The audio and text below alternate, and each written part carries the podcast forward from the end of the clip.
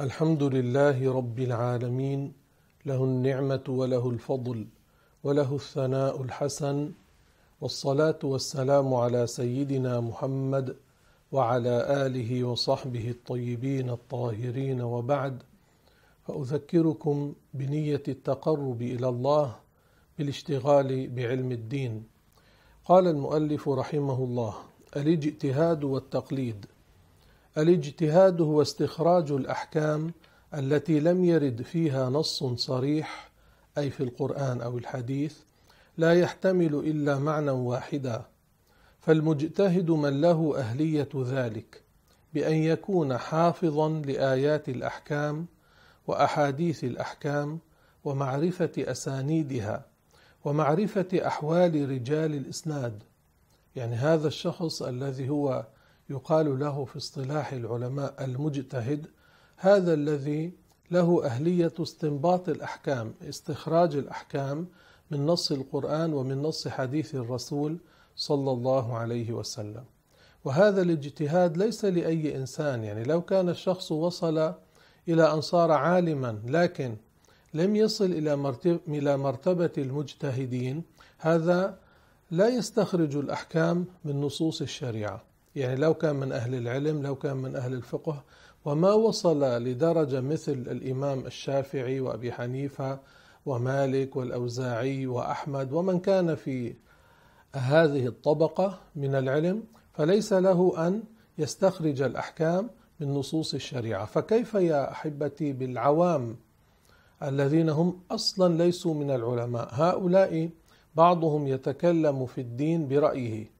فيهلك نفسه بسبب ذلك ويهلك غيره.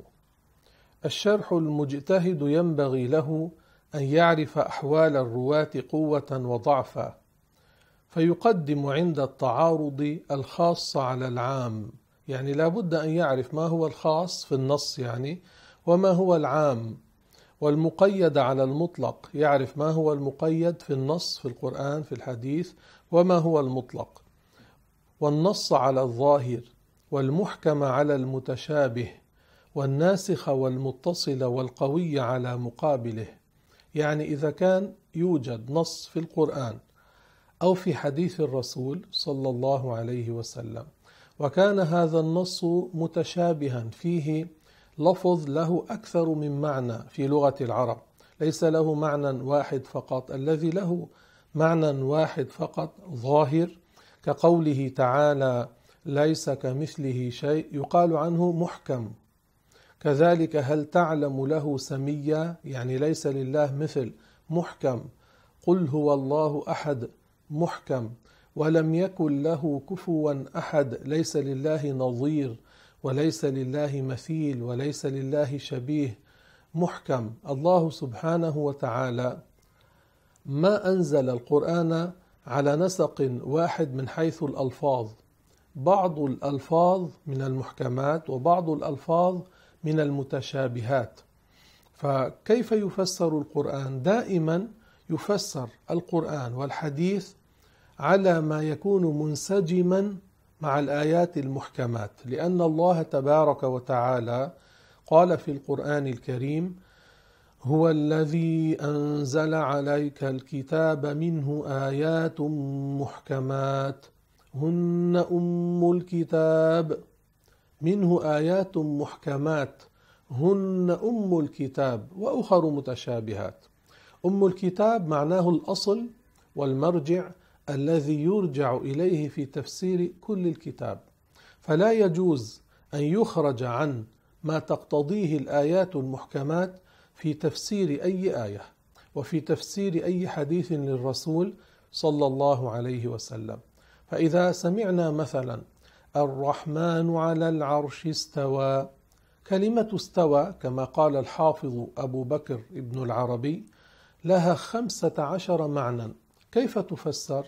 تفسر على ما يليق بالله وعلى ما يكون منسجما مع قوله تعالى ليس كمثله شيء.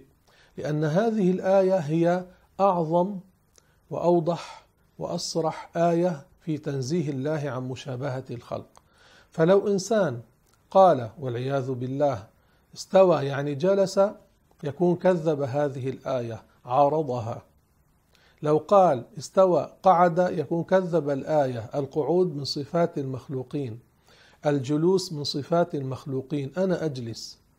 الملائكة تجلس الجن يجلسون البهائم تجلس أما الله لا يوصف بالجلوس. الجلوس معناه التصاق جسم بجسم.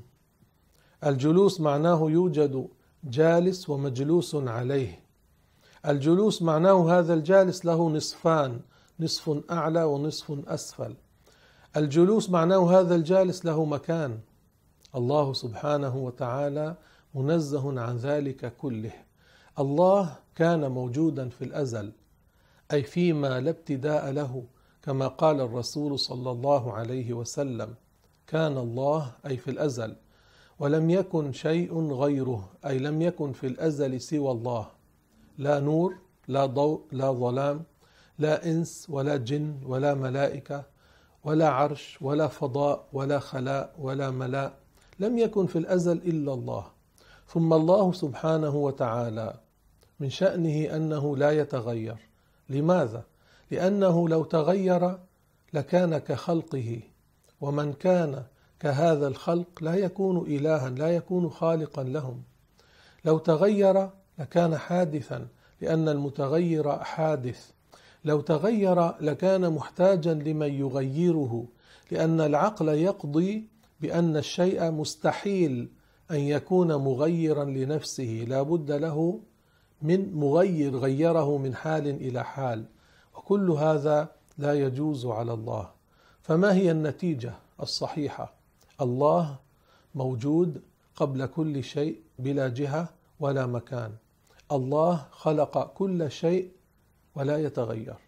لم يزل كما كان في الأزل موجودا غير محتاج لشيء لم يزل موجودا بلا جهة ولا مكان. فإذا إنسان قال لك اذا هل هذا العرش العظيم لما خلقه الله؟ الجواب في كلام سيدنا علي رضي الله عنه. إن الله خلق العرش اظهارا لقدرته ولم يتخذه مكانا لذاته. رواه الإمام أبو منصور التميمي الفقيه العالم المحدث. وهذا الإمام له كتاب يسمى الفرق بين الفرق. في هذا الكتاب روى هذا عن سيدنا علي رضي الله عنه. ومن جملة معاني كلمة استوى حفظ وقهر وأبقى. الله سبحانه وتعالى من أسمائه الحفيظ ومن أسمائه القاهر ومن أسمائه القهار. فإذا قلنا كلمة استوى هنا معناها قهر أي خلق العرش وهو قاهره ومسيطر عليه وهو حافظه من الهوي من أعلى من ذاك المكان إلى أسفل يكون معنى لائقا بالله. يجوز أن تحمل هذه الكلمة على هذا المعنى. والسلف الصالح الحقيقيون الذين قالوا استوى كما أخبر لا كما يخطر للبشر معنى كلامهم أنه لا يجوز أن يكون استواء الله صفة حادثة. كاستواء المخلوقين. المخلوقون يجلسون يقعدون يستقرون يحاذون يكونون في جهة يكونون في مكان. لذلك الإمام مالك رضي الله عنه حين سأله شخص الرحمن على العرش استوى كيف استوى؟ انزعج مالك رضي الله عنه لأن السائل قال كيف؟ كيف يسأل بها عن المخلوق؟ كيف يسأل بها عن المخلوق؟ فقال الإمام مالك رضي الله عنه الاستواء معلوم أي معلوم وروده في القرآن. وجاء في رواية عن بعضهم الاستواء مذكور أي مذكور في القرآن. قال مالك رضي الله عنه وهو من رؤوس السلف من علماء الحديث من المجتهدين المطلقين. قال ولا يقال كيف وكيف عنه مرفوع. هذه رواية ثابتة عن مالك رواها الحافظ البيهقي. وفي رواية أخرى أنه قال الاستواء معلوم أي معلوم وروده في القرآن أيضا هذا معناها ولا يقال كيف والكيف غير معقول والكيف غير معقول أي لا يجوز في حق الله الكيف سبحانه وتعالى. وفي رواية والكيف عنه مرفوع أي لا يجوز في حق الله الكيف لا يوصف الله بالكيف. أما المشبهة أدعياء السلفية نفاة التوسل فيتمسكون بشيء يروى عن مالك وهو غير صحيح ما له ثبوت عن مالك. يقولون الاستواء معلوم والكيف مجهول. ماذا يريدون من كلمة مجهول؟ يريدون أن له كيفا لكن نحن لا نعلمه. لذلك انتبهوا انتبهوا من الفخ الذي تنصبه هؤلاء. المشبهة المجسمة نفاة التوسل الذين يقولون للناس النص على ظاهره والسلف ما أولوا والتأويل تعطيل والعياذ بالله. نسبوا التعطيل إلى أهل السنة والجماعة إلى الصحابة إلى الرسول عليه الصلاة والسلام إلى من جاء بعدهم. كذلك يقولون التأويل تعطيل تعطيل يريدون أنه نفي لصفات الله فكيف يموهون على الناس؟ يقولون لهم نحن نقول استوى بلا كيف وجه بلا كيف يد بلا كيف رجل بلا كيف ساق بلا كيف هكذا يقولون. ماذا يريدون من كلمة بلا كيف لا يريدون ما أراده السلف الصالح لا. يريدون الكيف ليس معلوما لنا. هم يعتقدون أن له كيفا والعياذ بالله أن له صفة هي كصفة المخلوقين بزعمهم يعتقدون أن الله له عضو أن الله له جارحة أن الله له جزء والعياذ بالله. لكن كيف يموهون؟ يقولون السلف قالوا بلا كيف نحن نقول بلا كيف. ماذا يريدون؟ يريدون بلا كيف معلوم لنا والعياذ بالله. أما السلف الصالح الذين روى عنهم البيهقي كالإمام الأوزاعي ومكحول وغيرهما من السلف الصالح حين قالوا أمروها عن النصوص المتشابهة كما جاءت بلا كيف أي بلا تشبيه بلا وصف لله بصفة من صفات الخلق. هذا معنى بلا كيف. الكيف كل ما كان من صفات الخلق يقال عنه كيف. أما المشبهة المجسمة يقولون بلا كيف يعني ليس معلوما لنا. هذا معناه عندهم. حتى إنهم أثبتوا لله الحد أي الكمية وأثبتوا لله الشفة والعياذ بالله واللسان. ما بقي لهم إلا أن يقولوا إنسان عن الله لكن لفظا ما قالوا ذلك. فإذا هؤلاء المجسمة المشبهة نفاة التوسل لا يعبدون الله في الحقيقة يعبدون شيئا تخيلوه توهموه تصوروه اعتقدوه حيا مريدا قاعدا على العرش مستقرا على العرش وقالوا هذا هو الله. وفي الحقيقة لا يوجد هذا فوق العرش. فوق العرش يوجد ما أخبر عنه الرسول صلى الله عليه وسلم. كتاب مكتوب فيه إن رحمتي سبقت غضبي كما روى البخاري. معناه مظاهر رحمة الله أسبق وجودا وأكثر من مظاهر الغضب. الجنة من مظاهر رحمة الله أكبر بمرات كثيرة من جهنم وخلقت قبلها. الملائكة من مظاهر رحمة الله أكثر بكثير من الإنس والجن مجتمعين من مظاهر رحمة الله وخلقوا قبل الإنس والجن. هذا معنى إن رحمتي سبقت غضبي وإلا فصفات الله ليس فيها سابق ومسبوق. الله أزلي وصفاته أزلية ليس كمثله شيء لا يتصور في البال لا يتمثل في القلب لا يتخيل. الله سبحانه وتعالى. والاجتهاد هو. استخراج الأحكام التي لم يرد فيها نص صريح لا يحتمل إلا معنى واحدا من الكتاب والسنة يعني من القرآن والحديث. وأما ما ورد فيه نص صريح يعني كان هذا النص صريحا في المسألة دلالته ظاهرة واضحة صريحة إن كان في القرآن وإن كان في الحديث. لا يحتمل تاويلا فلا مجال للاجتهاد فيه. ولذلك قال بعض المجتهدين وهو أبو بكر ابن المنذر. أبو بكر ابن المنذر هذا كان شافعيا ثم بلغ مبلغ الاجتهاد المطلق فصار مجتهدا مطلقا. قال إذا جاء الخبر ارتفع النظر. احفظوا هذه الجملة.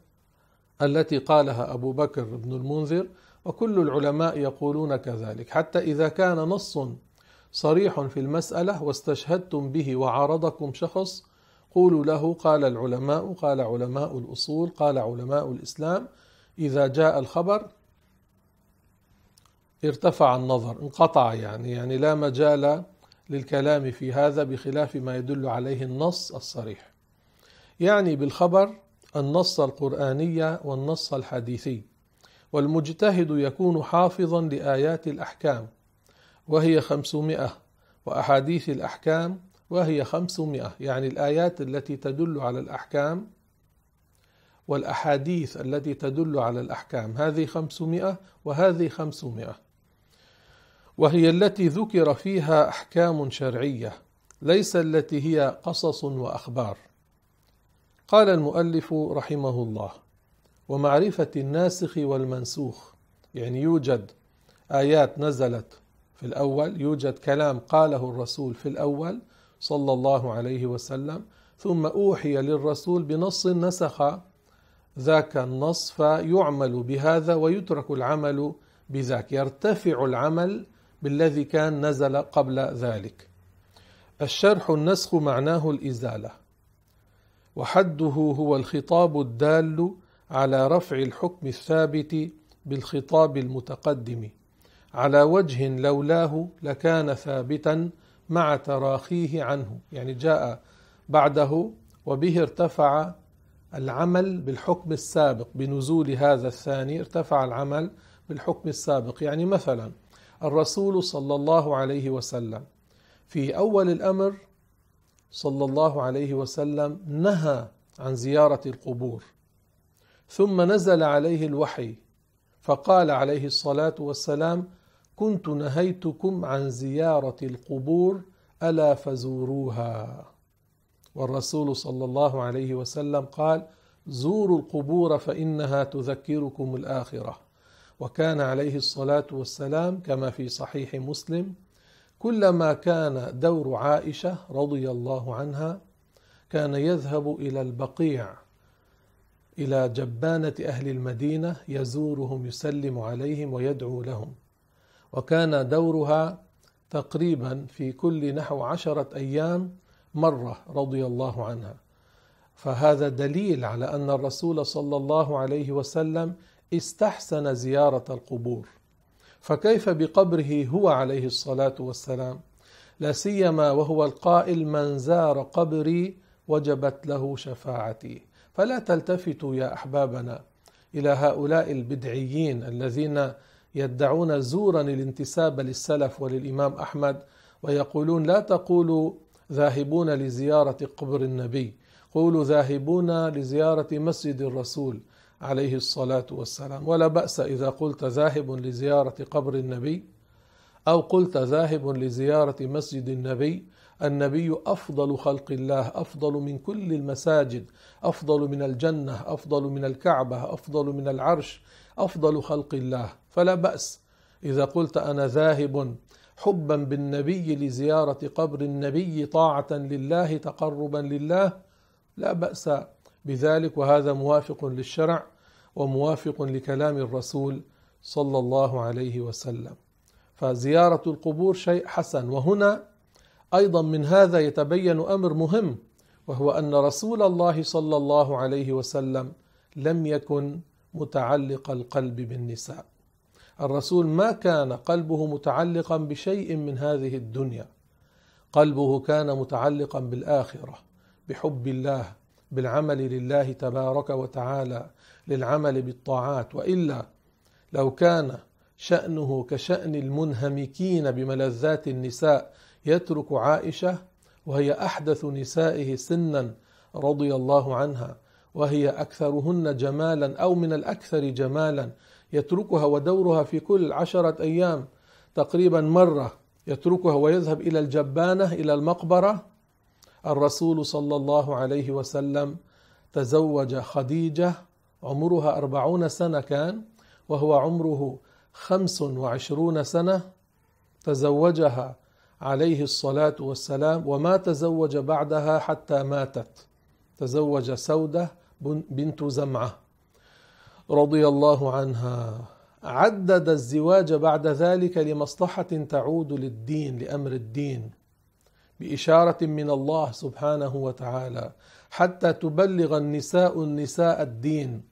وتعلم النساء النساء أحكام الدين ليس تعلقا بالنساء ليس تعلقا بالدنيا. صلى الله عليه وسلم. معصوم محفوظ من ذلك. الرسول عليه الصلاة والسلام قال حبب إلي من دنياكم النساء والطيب. يعني جعل ذلك في ولا أتتبعه. ما قال أنا متعلق القلب بالنساء والطيب؟ قال حبب إلي مبني للمجهول جعل ذلك في ولا أتتبع ولا أتتبع ذلك فترتفع درجاتي وجعلت قرة عيني في الصلاة. أما الصلاة فقرة عيني فيها راحة روحي فيها راحة نفسي فيها. هذا معنى وجعلت قرة عيني في الصلاة. فالذين يفترون على رسول الله صلى الله عليه وسلم ويقولون كان متعلق القلب بالنساء هؤلاء خرجوا من الإسلام بهذه الجملة. قال العلماء كل من يقول كلمة فيها تنقيص لنبي فيها تحقير لنبي فيها حط من قدر النبي يخرج بها من الإسلام يصير كافرا والعياذ بالله. فاحذروا هؤلاء. احذروا هؤلاء الذين يفترون على الرسول ويفترون على الدين ويفترون على الشريعة. وحذروا منهم لا تسكتوا لهم. أبو علي الدقاق قال الساكت عن الحق شيطان أخرس. يعني معناه لا يجوز أن يسكت الشخص عن الأمر بالمعروف والنهي عن المنكر مع قدرته على ذلك على الأمر بالمعروف والنهي عن المنكر. إذا كان مستطيعا وسكت الويل له. شدة الهلاك له. يكون هالكا يكون مستحقا للعذاب يكون واقعا في الكبيرة. ويقال رفع حكم شرعي سابق عن النسخ يعني. رفع حكم شرعي سابق بحكم شرعي لاحق. ويجوز نسخ الرسم وبقاء الحكم. أي يجوز نسخ رسم الآية في المصحف وتلاوتها على أنها قرآن مع بقاء حكمها والتكليف به نحو آية الرجم وهي الشيخ والشيخة إذا زنيا فارجموهما البتة نكالا من الله. يعني كان نزل هذا في القرآن ثم نسخ ذلك. ثم نسخ لكن بقي الحكم. يعني الآن الثيب إذا زنت الآن الثيب إذا زنت يقام عليها الحد لو كان حاكم شرعي بما جاء في شريعة الله يطبق هذا الحكم كما جاء في شريعة الله. لكن اللفظ نسخ ما عاد يتلى من القرآن الكريم. ويجوز نسخ الحكم وبقاء الرسم مثل قوله تعالى والذين يتوفون منكم ويذرون أزواجا وصية لأزواجهم وصية لأزواجهم متاعا إلى الحول. نسخت بالآية وهي تتلى في القرآن التي قبلها وهي يتربصن بأنفسهن أربعة أشهر وعشرا. أي صار الحكم كذلك. إذا مات الرجل امرأته تعتد باربعه بأربعة أشهر وعشرة أيام. تصبر يعني عن النكاح مدة أربعة أشهر وعشرة أيام. ويجوز النسخ إلى بدل كما في نسخ استقبال بيت المقدس باستقبال الكعبة. الرسول عليه الصلاة والسلام أمر باستقبال الكعبة ثم أمر باستقبال بيت المقدس في الصلاة. ثم نزل عليه الوحي أن يستقبل الكعبة وبقي الحكم كذلك.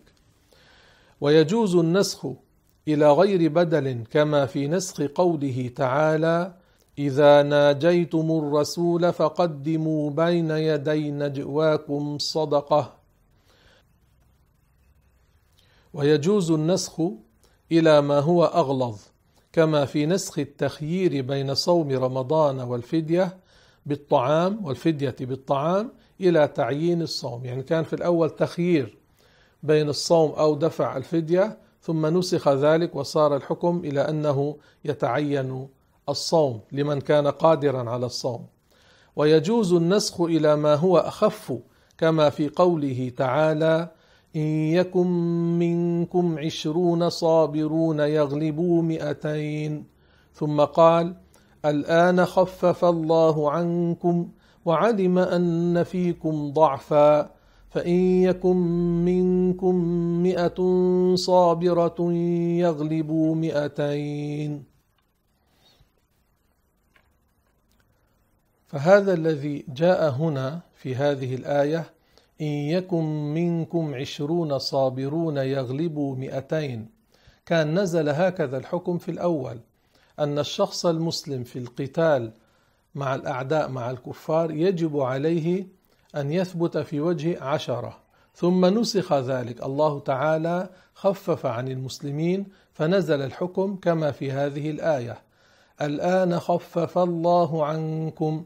ليس معناه أن الله سبحانه وتعالى يتغير. لا ليس فيه معنى البداء ليس فيه معنى التغير لا. وعلم أن فيكم ضعفا أي لأنه علم في الأزل أنه يكون فيكم ضعف فأنزل الآن حكم التخفيف عنكم الذي جاء في هذه الآية. فإن يكن منكم مئة صابرة يغلبوا مئتين. صار الواجب أن يثبت المسلم في وجه اثنين في القتال وليس في وجه عشرة. فمعنى وعلم أي لأنه علم بعلمه الأزلي أنه يكون فيكم ضعف أنزل الآن على النبي هذا الحكم بالتخفيف عنكم. ويجوز نسخ الكتاب بالكتاب كما في آيتي العدة وآيتي المصابرة يعني القرآن بالقرآن. ويجوز نسخ السنة بالكتاب كما في نسخ استقبال بيت المقدس الثابت بالسنة الفعلية في حديث الصحيحين بقوله تعالى: فول وجهك شطر المسجد الحرام يعني في الصلاة توجه إلى الكعبة المشرفة. ويجوز نسخ السنة بالسنة كما في حديث مسلم كنت نهيتكم عن زيارة القبور ألا فزوروها. كان الرسول نهى في الأول عن زيارة القبور ثم نزل عليه الوحي بالترخيص بذلك فقال ألا فزوروها. أي زوروا القبور. ويجوز نسخ المتواتر بالمتواتر منهما أي القرآن والسنة ويجوز نسخ الآحاد بالآحاد وبالمتواتر ولا يجوز نسخ المتواتر بالآحاد. المتواتر أعلى درجة حكمه من حيث الحجة كحكم القرآن. القرآن حجة لا شك في ذلك وكذلك الحديث المتواتر حجة. رواه جمع من الصحابة كبير عن الرسول صلى الله عليه وسلم. هذا المتواتر ما رواه جمع عن جمع بحيث يستحيل عادة أن يجتمعوا على الكذب. هذا يقال عنه المتواتر. تنبيه لا يلزم من النسخ البداء كما ادعت اليهود أن النسخ باطل لأنه يؤدي إلى أن الله ظهر له أمر كان خافيا عليه وكلامهم كذب. ومعنى البداء ظهور أمر كان خافيا. يقال لهم النسخ لا يستلزم ذلك بل فيه حكمة لأن أحوال العباد ومصالحهم تختلف باختلاف الأزمان كما أن الطبيب يصف الدواء في وقت وينهى عنه في وقت آخر لكون الوقت الأول مناسبا لحال المريض غير مناسب لحاله الثاني. فالله تعالى عالم بمصالح عباده فينزل حكما ثم ينسخه لما في ذلك من مصلحة العباد. ومرادهم بدفع النسخ تأييد دعواهم أن موسى قال إن شريعتي باقية إلى يوم القيامة. هذا الذي يريده اليهود من رفع النسخ يقولون موسى عليه السلام قال هذه الشريعة التي أنا جئت بها باقية إلى يوم القيامة. افتروا على موسى ما لم يقله وهم يعلمون أن الجمع بين أختين كان جائزا في شرع يعقوب ثم نسخ الله تعالى ذلك في شرع موسى. يعني كان يجوز للرجل في النكاح في الزواج أن يجمع بين أختين في شرع يعقوب عليه السلام ثم نزل الوحي على موسى عليه السلام بنسخ ذلك. ويكفي لرد دعواهم أن تزويج الأخ بالأخت التي ليست توأما له كان جائزا في شرع آدم لأن آدم كان يزوج الرجل من بنيه بأخته التي هي توأمة أخ له آخر ولا يزوج واحدا منهم بتوأمته. ثم نسخ الله ذلك بعده أي بعد وفاة آدم عليه السلام. وهذا معلوم عندهم لكن العناد يحملهم على الافتراء على موسى. وسبحان الله وبحمده والحمد لله رب العالمين. ربنا آتنا في الدنيا حسنة وفي الآخرة حسنة وقنا عذاب النار. اللهم أحينا على عقيدة أهل السنة وتوفنا على هذه العقيدة. اللهم أصلح لنا ديننا الذي فيه عصمة أمرنا. وأصلح لنا دنيانا التي فيها معاشنا وأصلح لنا آخرتنا التي فيها معادنا. اللهم أصلحنا وأصلح أحبابنا وأصلح ذرياتنا وأزواجنا. اللهم إنا نسألك العفو والعافية في الدنيا والآخرة. اللهم ارزقنا حسن الختام. اللهم أكرمنا برؤية وجه سيدنا محمد عليه الصلاة والسلام. اللهم زدنا رغبة في علم الدين واجعلنا من عبادك المتقين اجعلنا من عبادك الصالحين. واغفر لنا ولإخواننا الذين سبقونا بالإيمان ولا تجعل في قلوبنا غلا للذين آمنوا. والحمد لله رب العالمين. نهلل. لا إله إلا الله. لا إله إلا الله. لا إله إلا الله. اللهم صل على سيدنا محمد وعلى آله وصحبه وسلم. اللهم صل على سيدنا محمد وعلى آله وصحبه وسلم. اللهم صل على سيدنا محمد وعلى آله وصحبه وسلم. رب اغفر للمؤمنين والمؤمنات. رب اغفر للمؤمنين والمؤمنات. رب اغفر للمؤمنين والمؤمنات. أيضا النية لله تعالى في الاستماع للأسئلة الموجودة هنا والأجوبة عليها. هنا سؤال ما حكم أن تتوضأ المرأة وقد وضعت المناكير؟ هذا طلاء الأظافر المشهور. بين كثير من النساء والذي هو ليس من عادات المسلمات. إذا وضعته المرأة على أظفارها ثم أرادت الوضوء أو رفع الحدث الأكبر لا يصح لأنه مانع من وصول الماء إلى المغسول إلى المكان الذي لا بد من غسله. ومن شروط الطهارة أن لا يكون مانع من وصول الماء. لذلك لا يصح الوضوء مع وجود المناكير. وليس هذا كالخف كما قال بعض جهلة المنتسبين للمشيخة قالوا هذا مثل الخف أليس يمسح الشخص إذا توضأ؟ على الخف قالوا وهذا أيضا مثله وهذا قياس مع الفارق وهو باطل. هنا سؤال إذا كانت المرأة حائضا نامت نامت وهي في حالة الحيض واستيقظت في نهار رمضان والدم منقطع ماذا تفعل؟ تبين لها أن هذا اليوم الذي كانت حائضا قبل أن تصبح فيه تبين لها أنه لا يصح لأنها بحسب الظاهر الآن رأت الانقطاع فهي بالنسبة لصوم هذا اليوم لا يلزمها كانت حائضا كانت معذورة وأيضا لا يلزمها أن تمسك بقية النهار. إن أحبت أن تمسك قالت للاحتياط لعل الدم انقطع قبل ذلك لكن هو صومه ما صح ويلزمها القضاء بعد رمضان. هكذا الحكم. يعني إذا كانت المرأة حائضا ونامت واستيقظت فوجدت أن الدم منقطع هذا اليوم ما صح. هذا اليوم ما صح صومه ولا يجب عليها أن تمسك بقية هذا النهار ويلزمها قضاء هذا اليوم بعد رمضان. لأن عائشة رضي الله عنها قالت كنا نؤمر بقضاء الصيام إذا حضنا ولا نؤمر بقضاء الصلاة.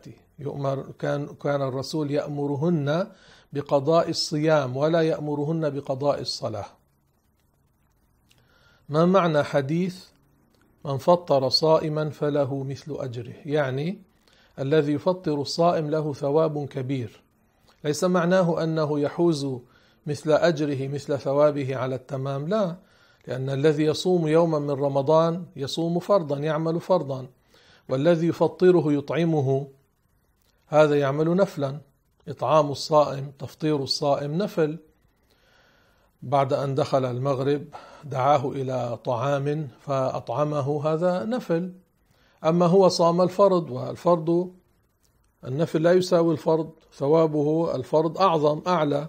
فمعنى قول الرسول من فطر صائما فله مثل أجره غير أنه لا ينقص من أجر الصائم شيء. معناه له أجر عظيم له أجر كبير كما أن للصائم أجرا كبيرا. هذا معناه. وليس معناه المساواة على التمام في الثواب لا. ما معنى قوله تعالى فأينما تولوا فثم وجه الله؟ قال مجاهد تلميذ ابن عباس قبلة الله. الله لا يوصف بالجارحة لا يوصف بالأجزاء لا يوصف بالأعضاء لا يوصف بالأدوات. ليس كمثله شيء. فقال مجاهد قبلة الله. ما معنى قبلة الله؟ ليس معناه إذا أردت صلاة الظهر أو العصر أو المغرب أو العشاء وأنت في الطائرة. إلى أي جهة تصلي؟ وأنت قاعد على الكرسي تصلي؟ لا. هذه الآية معناها من كان مسافرا راكبا الدابة أو ماشيا وأراد صلاة النفل كسنة الظهر سنة العصر سنة المغرب سنة العشاء. هذا يتوجه إلى القبلة يقول الله أكبر أصلي سنة العشاء ثم يمشي إلى مقصده. الله يتقبل منه صلاة النافلة في هذا السفر. هذا معنى فأينما تولوا أي حيثما توجهتم في سفركم وأنتم تريدون صلاة النافلة وأنتم تمشون أو تركبون الدابة الله يتقبل منكم. وليس معناه فأينما توجهتم الله يقابلكم بذاته كالسور الذي يحيط بالبناء هذا لا يجوز على الله. وهنا مسألة مهمة. لا يصح ولا يجوز أن يصلي الشخص الفرض وهو قاعد في الطائرة أو في الباص على الكرسي. يستطيع أن يقوم ويستطيع أن يتوجه إلى القبلة. ليس له ولا يصح منه أن يفعل ذلك.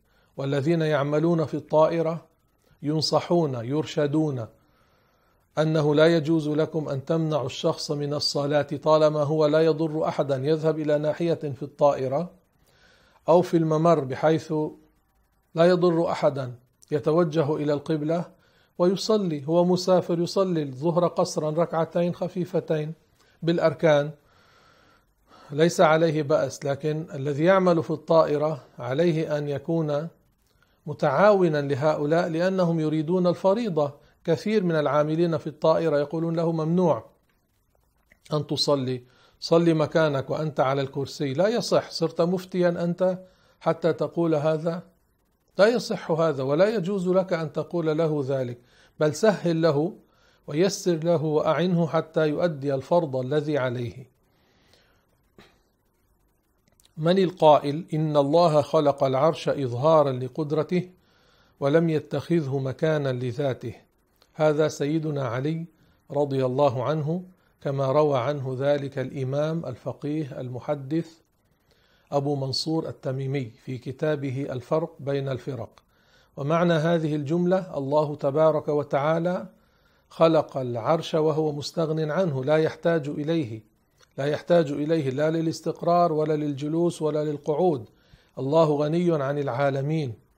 والله لا يتغير ولا يتشرف بشيء من خلقه لا بالعرش ولا بالجهة الفوقانية ولا بالكعبة ولا بأي شيء. كماله أزلي أبدي سبحانه وتعالى. فهذا العرش خلقه إظهارا لقدرته. الملائكة لما يرونه الحافون حوله يزدادون يقينا بكمال قدرة الله. ويزدادون تعظيما لله. هذا معنى إن الله خلق العرش إظهارا لقدرته ولم يتخذه مكانا لذاته. ما معنى قوله تعالى فنفخنا فيه من روحنا؟ معلوم أيها الأحبة أن الله تبارك وتعالى خالق الأرواح وخالق الأجساد فليس جسدا وليس روحا وليس حجما ليس كمية سبحانه وتعالى. مريم عليها السلام أفضل نساء العالمين. أحصنت فرجها حفظت فرجها. ومريم ابنة عمران التي أحصنت فرجها حفظت فرجها. فنفخنا فيه من روحنا فنفخنا فيه من روحنا. أمرنا الملك جبريل عليه السلام أن ينفخ من روحنا. جاء جبريل إلى مريم وجه النفخ نفخ روح عيسى عليه السلام إلى فمها فدخل من جيبها. فتحة القميص يقال له جيب. دخل الروح من جيبها إلى الرحم. حملت بعيسى عليه السلام من غير نطفة رجل من غير نطفة امرأة. قال الله تعالى إن مثل عيسى عند الله كمثل آدم. خلقه من تراب ثم قال له كن فيكون. اوجده الله تعالى بلا تعب ولا مشقه لأنه لا يوجد شيء صعب على الله. هذا معنى ثم قال له كن فيكون. ليس معناه ان الله ينطق بكاف ونون. لا هذا مستحيل على الله تبارك وتعالى. إنما معناه سرعة الإيجاد وأن الله أوجده خلقه من دون مشقة ولا تعب لأن هذا يسير على الله تبارك وتعالى. والله تعالى أعلم وأحكم.